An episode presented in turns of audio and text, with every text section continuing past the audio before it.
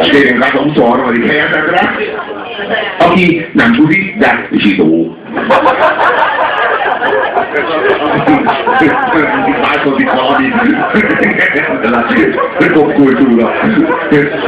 Igen, itt van velünk Paul Simon, és itt Art Garfunkel, de a csávó ez egy semmire felül. Tehát így jó, viszonylag jól tud énekelni, meg így semmi ilyen, nem tudom, így a keleti parton ismert egy csomó producer.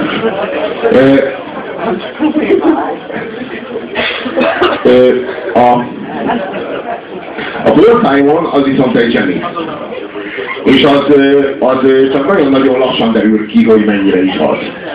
Igazából ő két projektet mutatott párhuzamosan, egyet az Egyesült Királyságban, Paul Simon néven, egyet pedig az Egyesült Államok keleti partvidékén Simon Garfunkel néven. És végül a Simon Garfunkel előtte futott, és fölfuttatta a Simon Garfunkel nevű brandet, csak azért, hogy később visszatérjen a Paul Simonhoz, és felfutassa azt is. E, igazából a, a Simon az szintén egy nagyon nehezen besorolható művész és előadó, de hogy egy ilyen listáról kibaszottul elmaradhatatlan, az vitán felüláll. Ő az, akiről mindenképpen el tudod mondani vita nélkül, hogy nagyon tehetséges ember. Az, hogy melyik az a kurva jó dolog, amit csinált, az nem biztos, hogy akkor eszete jut. De hogy ő simán átmentette magát a 60-as évekből a 70-esbe, a Woodstockból a, a popba, a, meg a szintiben, meg a 90-es években nyomta ezt a csak néger van a zenekarban kumbájá témát, és csak ő volt fehér, ilyen vanabi négerkedés, gospelezés és társai Hát, ha senkinek nem tűnik fel. De lehet, hogy csak közben saját számokkal, saját szövegekkel, saját zenével. Tehát ő, ő, ő, ő igazából ő nem egy valami néger, hanem ő egy megvalósult ilyen nem tudom én, tekla előadó, akinek történetesen fehér a bőre.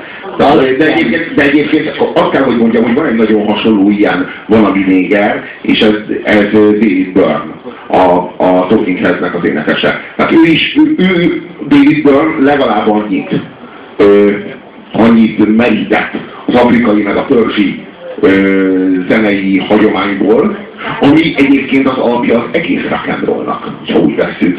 Mert hogy az Amerikára, Amerikába áthúzolt tekáknak a az a, az a Rhythm and Blues-nál megállt szerintem, és akkor abból a következő lépések most így akkor bármi kitalálhatná, hogy a legfontosabb hang. De akár azt is mondhatnám, hogy a lé, mert mindegyik. Akár azt is mondhatnám, hogy az ember a majomtól származik meg ilyeneket, tehát igazából most a Paul amikor körülveszi magát fekete zenészekkel, akkor így tudod, így arra gondolsz, hogy már biztos mondják, hogy biztos van jó zenész, hogyha ők így, így leállnak azért vele. Viszont ő tényleg az jó zenész.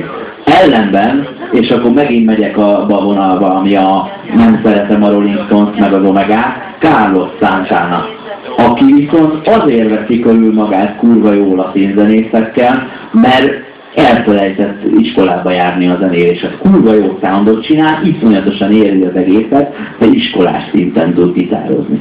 És ez, ezzel, emiatt kurva sok emberrel összevettem, de egyszerűen a rettenetes koncertfelvételeket végighallgattam. A Woodstocki keti jó, mert pont jóra drogozta magát, és tényleg a hang a lényeg, de így zeneileg olyan egy boti-boti nagyon sokszor, hogy az eszméletlen. De hát nyilván ehhez így le kell ülni, és akkor példákat kell playgombozgatni rá, hogy ez így érthető legyen, mert hiszen Carlos Santana világsztár. De ő kilóg abból a közegből, amilyen kurva jó zenészekkel már Woodstockban is fellépett, eszméletlen jó koncert.